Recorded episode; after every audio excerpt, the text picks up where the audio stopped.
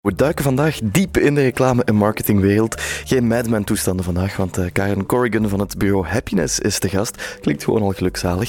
Ze hebben heel wat grote klanten. Uh, Kwik, dat zijn die van de hamburgers. Toyota, dat zijn die van de auto's. Maar evengoed de Stichting tegen Kanker en Rode Kruis Vlaanderen. Vorig jaar ging Happiness ook uh, met heel wat awards lopen op de Creative Belgium Awards. Karen Corrigan is vandaag de gast in. À la carte. À la carte. Met Robbe Petitjean en Melina Verbeek.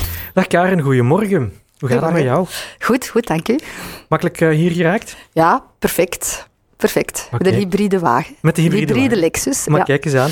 Uh, hoe gaat het met Happiness? Uh, goed, het gaat goed met Happiness. We zijn uh, gelukkig so far. Ja, ja. gelukkig, want dat is zo toch wel... Met welke campagnes zijn jullie op dit moment uh, zo al bezig? We zijn met een hopelijk heel mooie campagne voor Kwik bezig. Toyota hebben we net op het autosalon een heel fijne VR-experience gedaan, waar je eigenlijk... Virtual reality. Het, ja, ja, virtual reality, waar je eigenlijk op het autosalon kon testdriven met iemand die echt aan het rijden was. Dat was eigenlijk een, een heel groot succes, mm -hmm. om de hybride uiteraard te, te promoten. Dan hebben we voor VOE zijn we volop bezig aan nieuwe campagnes. De en ook tweedehands. Telenet zo'n beetje. Ja, ja de Franstalige Telenet, uiteraard. En tweedehands, dat ken je zeker ook. Ja, uh, dus de website, ja.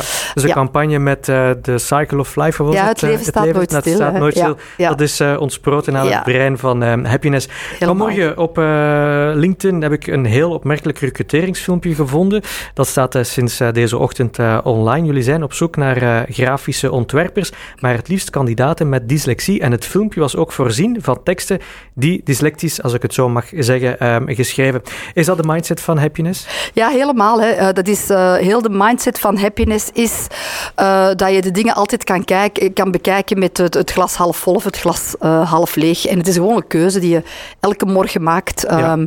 En in dit geval, dit is een echte happiness campagne, want het is een probleem, dyslexie. En je kan het, het problema de problematiek gaan aankaarten door kommer en kwel. En ja, nou, nou, en hoe erg is het? Of je kan er een oplossing op vinden. En we hebben ontdekt dus in data, en dat hebben we niet verzonnen.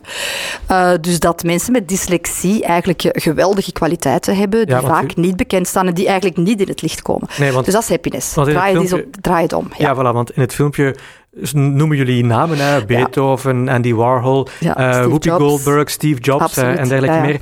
Maar jij zit natuurlijk al jaren in die reclamewereld. Mm -hmm. um, op welk moment heb je die mindset gemaakt van we moeten het omdraaien? Het glas is bij mij vanaf nu mm -hmm. altijd half vol. Ja, weet je, op een gegeven moment, ik zat denk ik twintig jaar in het, nee, nee, vijftien jaar in het vak zelf en ik had zelf in uh, bureaus gezeten van account executive tot managing director en stratege. En, ja.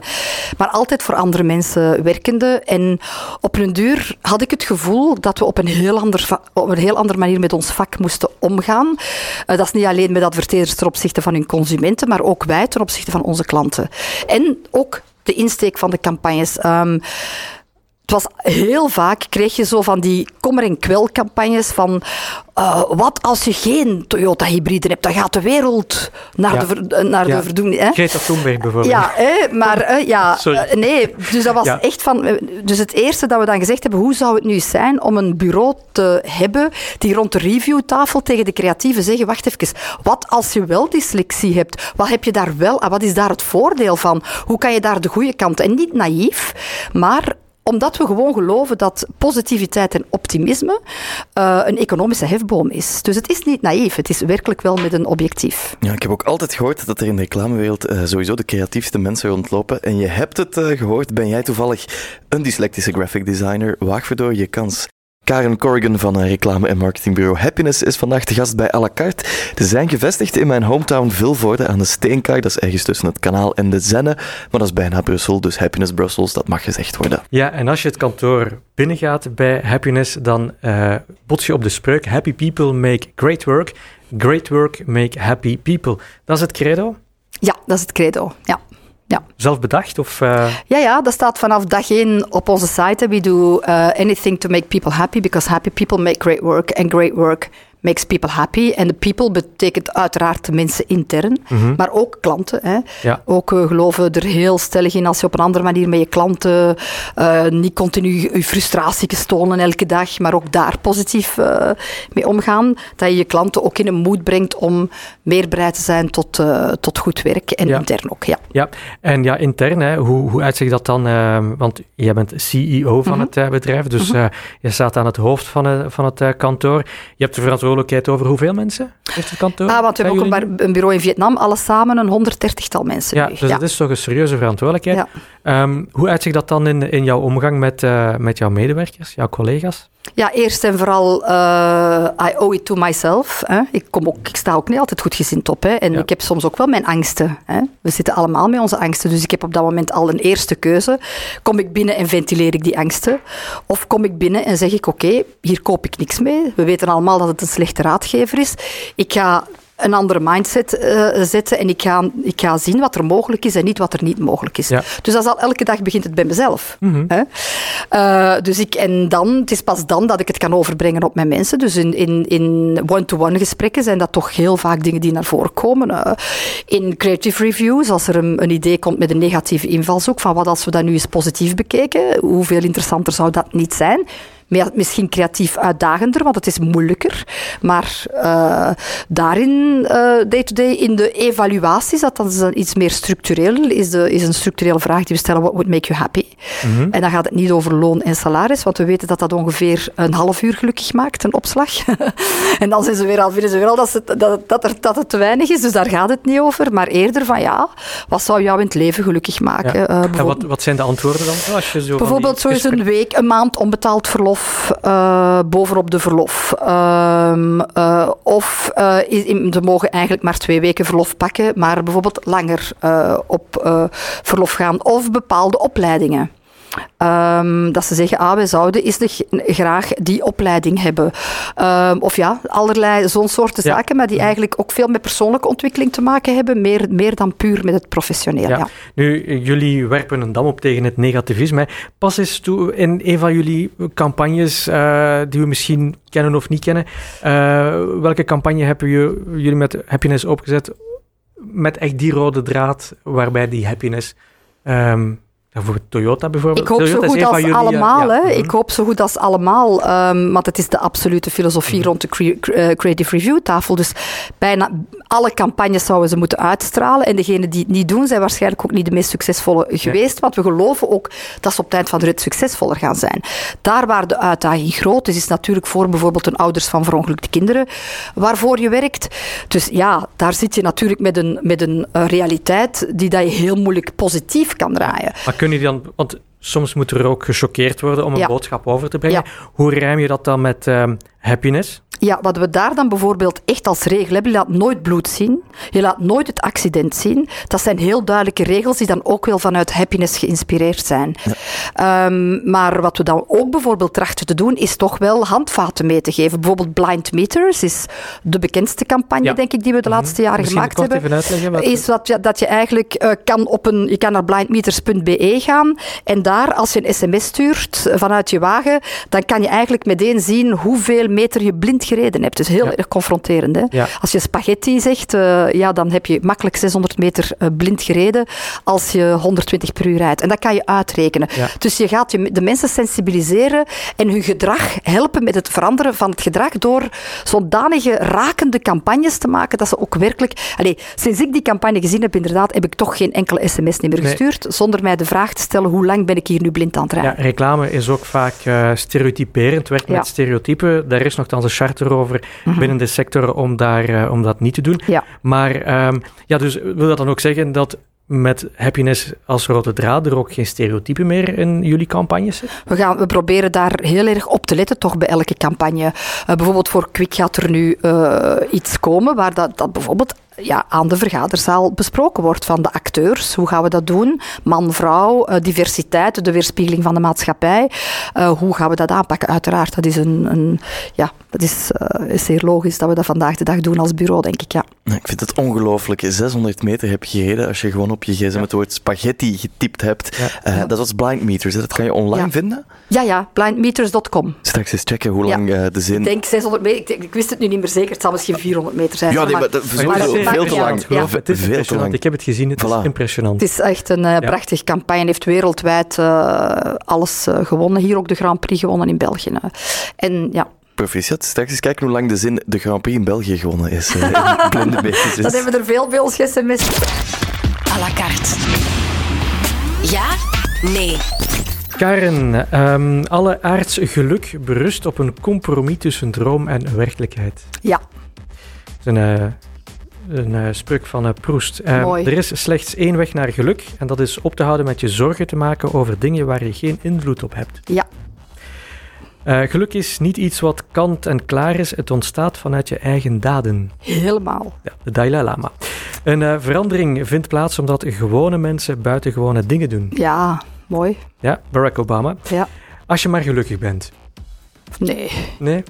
Nee, ik, nee, dat vind ik een beetje te, te, te fluffy. Ik denk, je kan niet verwachten van mensen dat ze continu gelukkig zijn. Je kan mhm. wel van mensen verwachten, denk ik, dat ze het geluk in zichzelf zoeken en daar werkelijk naar op zoek gaan. Ja. Maar pleiten voor het continue geluk uh, vind ik eigenlijk een beetje onnozel. En dat is ook niet, dat is niet wat, dat is, de naïviteit die we niet willen hebben, eigenlijk. Ja. Iets wat ik vaak zeg aan mijn dochter als ze iets aan het proberen is en het niet meteen lukt. Uh, niets is onmogelijk. Dat denk ik wel, ja. ja. ja, ja. soms herinnert ze mij er ook aan. Hè? Ja, ja, wat is er nu vandaag de dag niet mogelijk? Ja, is ook waar, ja. Het is waar. Um, wat, uh, zijn er zaken die jou storen in het huidige reclamelandschap vandaag? Uh, ja, um, wat, mij stoort of wat het, wat het moeilijk maakt, hè. het vak is in, in volle uh, change, in volle verandering, zoals natuurlijk iedereen met die verandering te maken heeft. Hè. Jullie ook waarschijnlijk, hebben wij daar ook heel erg... Uh, mee te maken. En wat ik dan ook nog wel spijtig vind, is dat we daar soms zo eh, af en toe waar ik tegen vecht en wil blijven vechten, is dat we daar vooral niet bekrompen mee om moeten gaan. Maar dat we zelfs nog meer dan die verandering te omarmen, dat we ze moeten drijven. Um, je kan daar bang, weer bang van zijn. Dat zijn dan de brokers of fear en ho. En, en of je kan zeggen van nee, wauw, dat is eigenlijk toch een fantastische uitdaging. Ja. En ik, ik vind, ja, op sommige momenten voel je toch zo dat, dat fatalisme, dat, dat, terwijl ik denk van, allez, een goed idee, creativiteit gaat meer dan ooit belangrijk worden. Hè. Er is nu uh, Gasparov heeft, Gasparov heeft een, uh, een boek geschreven nu, hè, die, pas uit, denk ik, uh, die, die helemaal daarover gaat, want hij is verloren tegen de computer. Hè. Dus ja, de beste ja, schaker ter wereld is verloren tegen, de denk ik, de IBM computer. En hij heeft een boek geschreven, ja, daar waar dat het um, artificiële intelligentie eindigt, gaat creativiteit beginnen. Dus ze gaan nu op een heel creatieve manier moeten gaan zoeken om toch die machine te verslaan. Dus, ik ben, dus ik denk, ons vak heeft er nog nooit zo goed uitgezien. Uh, de bureaus, de mensen, de, de bedrijven, ook jullie bedrijf, die begrijpen hoe ze creativiteit moeten managen. Want het is natuurlijk een geweldig misbegrip om te denken dat je creativiteit niet moet managen. Mhm. uh, maar die bedrijven die geleerd hebben om uh, die fantastische creative brains te managen en in goede banen te leiden om een een of andere hefboom te creëren, ja, ik denk dat, die, dat, ja. dat, dat, er geen enkel bedrijf meer kans heeft om ja. te overleven dan dat. Misschien nog één ja en één. er zijn te weinig vrouwen in de reclamesector. Nee, hè, er zijn genoeg vrouwen in. Er zijn heel veel vrouwen in de reclamesector, die, maar die zitten voornamelijk in de servicesector. Hè. Mhm. Er zijn er te veel in de servicesector, wat het weer een beetje stereotype maakt. Uh, er zijn er te weinig in de creatieve afdeling. Dus blijkbaar die, dat right brain verhaal, in, ik weet niet hoe het bij jullie is, maar, maar bij ons te weinig. Er zijn voornamelijk, uh, wij hebben een creatief directeur bij ons. Ik denk de enige vrouwelijke creatief directeur in België. Jij bent waarschijnlijk ook de enige vrouwelijke CEO van een... Uh... Ik denk dat ik de enige vrouwelijke nummer één ben en zeker de enige vrouwelijke nummer één oprichtster ben. Wat mhm. nog een verschil is. Ja. Onderneemster ben, hè, wat dan nog een verschil is. Ja, Er is jou gevraagd geweest om uh, ja, de koepelvereniging van alle Belgische reclamebureaus te gaan uh, managen. Heeft dat geweigerd? Waarom? Ja, dat is dan nu voor de eerste keer in mijn leven heb ik mijn persoonlijk leven even uh, de prioriteit gegeven. Hè. Daar, daar waar ik dat eigenlijk tot hier toe, ik heb kinderen, ik heb een gezin, ik ben 30 jaar getrouwd. Uh, en ik heb uh, ja, toch altijd, alleen niet altijd, hè, als er iets met mijn kinderen was, was ik altijd thuis. Let, let's mhm. be clear. Ja, ja. Maar ik heb het voor mezelf, nog voor de kinderen, belangrijk gevonden om er altijd bij te zijn. Ik heb zo gezegd. Dus toch die typische vrouwelijke mama-reflex in een professioneel bestaan. Had ik eigenlijk is van veel carrières van vrouwen. Hè? Ja, ja. Ja, ik vind ja, ik denk dat, dat ik dat als vrouw misschien meer, meer kan zeggen dan, dan een man dat zou zeggen. Maar ik vind dat vrouwen zichzelf in ons vak heel vaak uh, tegenhouden. En ik heb het nu voor de eerste keer ook gedaan bij het ACC. Want mhm. voor de eerste keer zou het een vrouw kunnen zijn. Ik heb het niet gedaan omwille van uh, echte persoonlijke redenen. Uh, maar ja, wie weet, mijn collega Mark Foucault heeft het gedaan. Die gaat het fantastisch goed doen. Karen, um, je hebt jouw eerste stappen in de reclamewereld gezet zo eind jaren tachtig. Maar eigenlijk was je niet voorbestemd hè, voor die sector. Hè? Nee, nee. Wat waren die stap? Zo eh, ja, ja mijn mama was regentest, dus ik ging regentest worden. Ja. Hè. Ik ging bij de kindjes in, want we hadden veel verlof bij de kinderen. En uh, ik las eigenlijk heel, heel een mooi verhaal. Uh, naast, naast het feit dat ik les gaf, las ik voor voor Baron van den Berg. En mm dat mhm. was een, uh, een self-made man die tot baron geslaan was, omdat hij zoveel verwezenlijkt had bij Jans Farmaceutica, Royal Belge, was allemaal voorzitter van raden van bestuur, maar hij was blind. Blind niet, had cataract, dus hij zag nog voor 80 procent en kon zijn rapporten niet lezen. En aangezien ik Frans, geschiedenis, Engels deed en ook toneel deed, had, en die rapporten in die talen moesten voorgelezen worden, had de directeur van school mij voorgedragen. Okay. En het is eigenlijk Baron van den Berg die mij gezegd heeft, jij gaat toch niet heel je leven lesgeven. Dat is de eerste persoon in mijn leven die mij zei... Je bent 17, 18 jaar? Ik was uh, 17, 18 jaar. En die zei, je bent speciaal. Je zou uh, meer moeten doen dan lesgeven. En dan heeft hij mij laten testen, toen nog bij VEV, het Vlaams Economisch Verbond, waar hij ook voorzitter van de Raad van Bestuur was. En daar kwam communicatie dan uit als vak. En dan ben ik bij Nike beginnen werken. En daar zag ik dan uh, de reclamejongens komen, want ik zat in de marketingafdeling, want ik tenniste ook. En ik uh, moest daar de, de, de tenniskledij uit, de sponsoringscontracten okay, verzorgen. Ja. Voor uh, Sabine Appelmans kwam bij mij, Dominique Monami. En die hadden dan contracten en ik moest die dan berekenen en, en hen in de showroom ontvangen. En ik mocht eens een keer mee naar een vergadering. Dat was de lancering van Just, Just, Just, Do, It. ja. Mm -hmm. En ik vond, oh, Just doe het gewoon doen. Dat is nu gewoon een raar lijn. Hè. Ja. En het reclamebureau kwam dan met de eerste grote, waren nog van die kartonnen pancartes. Ja, en dat was de lancering van de Nike Air Max uh, shoe. Die dan in de lucht vloog. Uh, we lanceren de Nike Air shoe en in de lucht. En ik mocht dan mijn mening zeggen. En ik zei, oh, zo'n schoen in de lucht, omdat daar lucht in zit. Goh, dat vind ik nu niet zo goed gevonden. En just do it. Allee. Maar toen wist ik van wat dat die mensen doen, dat wil ik ook doen. Just do it. Ik had nog nooit in mijn leven nagedacht over wie maakt nu reclame? Dus, en dan ben ik reclameschool gaan volgen en is van het een het ander gekomen. Het agentschap, jouw agentschap, uh, bestaat nu 15 jaar. Uh, vorig jaar uitgeroepen tot het agentschap van het jaar. je bent ook kantoren in Vietnam en Dubai. ook daar dezelfde... Vietnam, Vietnam pardon. Ja, ja. Daar ook dezelfde aanpak? Geluk is universeel? absoluut, het heet Happiness Saigon. Ja. Mhm. uh, en ook daar merk je, we zijn al twee keer op rij Agency of the Year, na nog maar vijf jaar bestaan. Omdat ook daar die filosofie, uh, ja, je hebt daarnet de Dalai Lama opgenoemd, ze zijn heel boeddhistisch eigenlijk aan, aan, ja. aan de basis. Uh, en heel die filosofie pakt dat, ja, slaat daar ook heel erg aan. En ook voor de Vietnamezen, en wat geweldig is, is het grote verschil met hier is, je hebt daar een heel jonge generatie. Hè? Wij, wij hebben hier een beetje de problematiek van de vergrijzing vergrijzing. Zij natuurlijk, hun ouders, hun grootouders, zaten vaak in de oorlog. En is echt een jongere markt. En wat je ziet, als je met je ogen knippert, uh, komen daar nieuwe opportuniteiten, zijn daar nieuwe gebouwen, zijn daar... Ah, het is echt een heel, heel mooie dimensie in mijn leven die erbij gekomen is, absoluut, ja. ja. Um, wat is uw relatie tot geld? Ah, dat is een heel mooie vraag. Hè. Ik ben altijd de armste geweest uh, van de klas en ik was altijd de rijkste van de klas. Uh, in die zin, ik had nooit gegeld. Wij kwamen uit Parkwijk. Ons moeder was alleen met vier kinderen. Het was Fight Club tot en met. Um, in de Parkwijk in Turnhout, voor zij die luisteren en Turnhout mm -hmm. kennen, weten wat dat betekent. Hè. Ja. Dat was echt Fight Club. Mm -hmm. um, maar ik heb, uh, ik heb altijd, van op mijn veertien jaar, op de kermis gewerkt, op de tennisclub gewerkt. Ik was altijd de rijkste van de klas. En niet, ik vind geld op zich compleet niet belangrijk.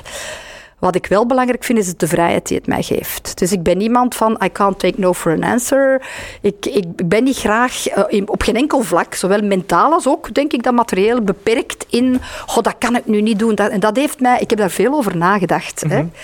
Uh, en dat heeft mij altijd heel erg gedreven, zo die, zowel om, om iets te kiezen, een job te kiezen, en dan uw eigen bureau te beginnen, de volledige onafhankelijkheid, als mijn relatie tot geld heeft veel mee te maken met, oh, dan moet ik mij geen zorgen maken en dan doe ik wat ik wil. Dan van, ik vind het belangrijk van zoveel geld op het boekje te hebben of om aan de generaties over te dragen. Ze hebben al genoeg gekregen. Mhm, ja. um, dus dat is, uh, dat is, ik weet niet of dat, dat een antwoord is, maar zo, ik heb er al wel veel over nagedacht. Ja, dat is een ja. mooie vraag. De Parkwijk in Turnhout, ik denk dat ik daar ooit al eens geweest Is dat dicht bij het station? Nee, nee, nee, nee, dat is achter het park, achter het stadspark. Logisch, ja, logisch. Ja, enorm logisch. Achter het stadspark. Vermoedelijk een beetje vergelijkbaar met uh, de Far West in Vilvoorde, voor de mensen die dat kennen. Oeh. À la carte. Op de plank. Karen, laten we even de agenda voor vandaag doornemen. Dat is ook zo een van onze vragen. Hoe ziet uw dag er verder nog uit vandaag? Ah, ik heb vanmorgen heel vroeg ben ik opgestaan om een uh, dossier, uh, de eindredactie van een dossier te doen. Dat natuurlijk de mensen bij ons op het werk gemaakt hebben. Ik heb dat dossier gekregen, eindredactie gedaan. Uh, dan heb ik gezwommen. En een hammam genomen, um, ongeveer drie kwartiers. En ja. dan ben ik naar hier vertrokken. Mm -hmm. En nu vanavond, van deze namiddag, heb ik een halve dag nu zeer uitzonderlijk verlof genomen ja. om met mijn man te gaan golfen. Fantastisch. En vanavond heb ik een diner mm. met een klant. Ja. Um, waar wil je over vijf jaar staan met Happiness? Of waar zal Happiness staan over vijf jaar? Um, ik, ik, wil dat Happiness een, van de toonaangevende bureaus is die eigenlijk de hele sector naar het volgende tijdperk uh, brengt, wat volgens mij het consultancy-tijdperk is. Uh, waar dat we onze creative brains niet meer alleen gaan inschakelen uh, voor, wel, voor, voor de reclame-advertenties, maar ook om, om klanten daarnaast wezenlijk te helpen in hun businessproblematiek, waarvoor ik denk dat creativiteit hoe langer, hoe belangrijker gaat worden. Toegepaste creativiteit, uiteraard. Geen creativiteit om de creativiteit. Maar uh, ik zeg, uh, ja, imagination. Hè, it's mm. not technology that's holding us back. It's imagination. Ik geloof ja. daar heel erg in. Maar wat is, hoe ziet de reclamesector er um, over vijf jaar uit? Um, ik denk dat er minder bureaus gaan zijn. Dat de bureaus die overblijven een bepaalde kritische massa gaan moeten hebben en groter gaan moeten zijn. En veel meer dan enkel hun creativiteit gaan moeten benutten, veel meer dan enkel voor het reclame ja. maken. Ja. En de campagnes? Als die gaat blijven, hè? Ja. Mm-hmm. Dat gaat blijven. En de influencers, er natuurlijk. Ja, ja, en influencers, want dat is vandaag uh, zeer hot. Hè. Daar wordt ja. uh, ongelooflijk veel gebruik van gemaakt. Ja, Zijn voor mij, vijf jaar nog? Uh, ja, zal andere vormen in, innemen, aannemen, denk ik. Omdat dat, voor mij is dat een trend en is dat een medium zoals een ander. Dat je nu heel goed moet beheersen, maar omdat het nu ook werkt. Maar waarvan je nu al voelt dat de geloofwaardigheid, ik denk alles wat authenticiteit, geloofwaardigheid, echtheid, hoe langer hoe meer gaat toenemen. En dat in dat kader dat wel een moeilijke gaat worden. Dus dat je moet zien van hoe ga je mensen nog inschakelen, maar zodanig dat het, het verhaal ook authentiek en dat het op een positieve manier op het merk afstraalt en niet op een negatieve manier. Uh, maar het is een medium zoals een ander ja. van een nieuwe tijdperk en zo komen er, gaan er alsmaar media bij komen. Maar dat hebben we niet anders gekend. Weet je, nee. als ik begon was er geen tv. Hè? Nee, nee, dat Allee, ik bedoel, dat, ik, in die zin is het en niks is veranderd en alles ja. is anders. Ja. Um, en, en we moeten op die alles is anders absoluut voorbereid zijn met, met de sector, maar ook ja, de bureaus die, die willen overblijven hebben best wel een mooie uitdaging voor Maar laten we het houden op uh, het feit dat we allemaal authentiek moeten zijn zijn en blijven. En uh, dat, is, dat doet de geloofwaardigheid uh, veel deugd. Ja. Dank u wel, Karen Corrigan, voor dit hele fijne gesprek. Aha, heel graag gedaan.